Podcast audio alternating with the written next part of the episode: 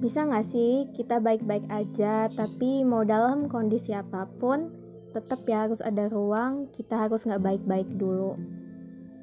Kayak ibaratnya ngeluarin emosi negatif.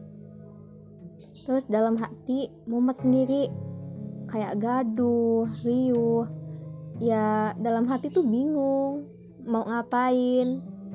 Dan ujung-ujungnya cuma ya ada lengkungan di muka, yaitu senyum. Kebayang gak sih kita udah masang fake smile ini ke beberapa orang? Kebayang gak? Kadang cuma mikir ngubek-ngubek di hati sendiri. Gimana rasanya terlihat kuat, tapi aslinya penakut. Bahkan penakut banget.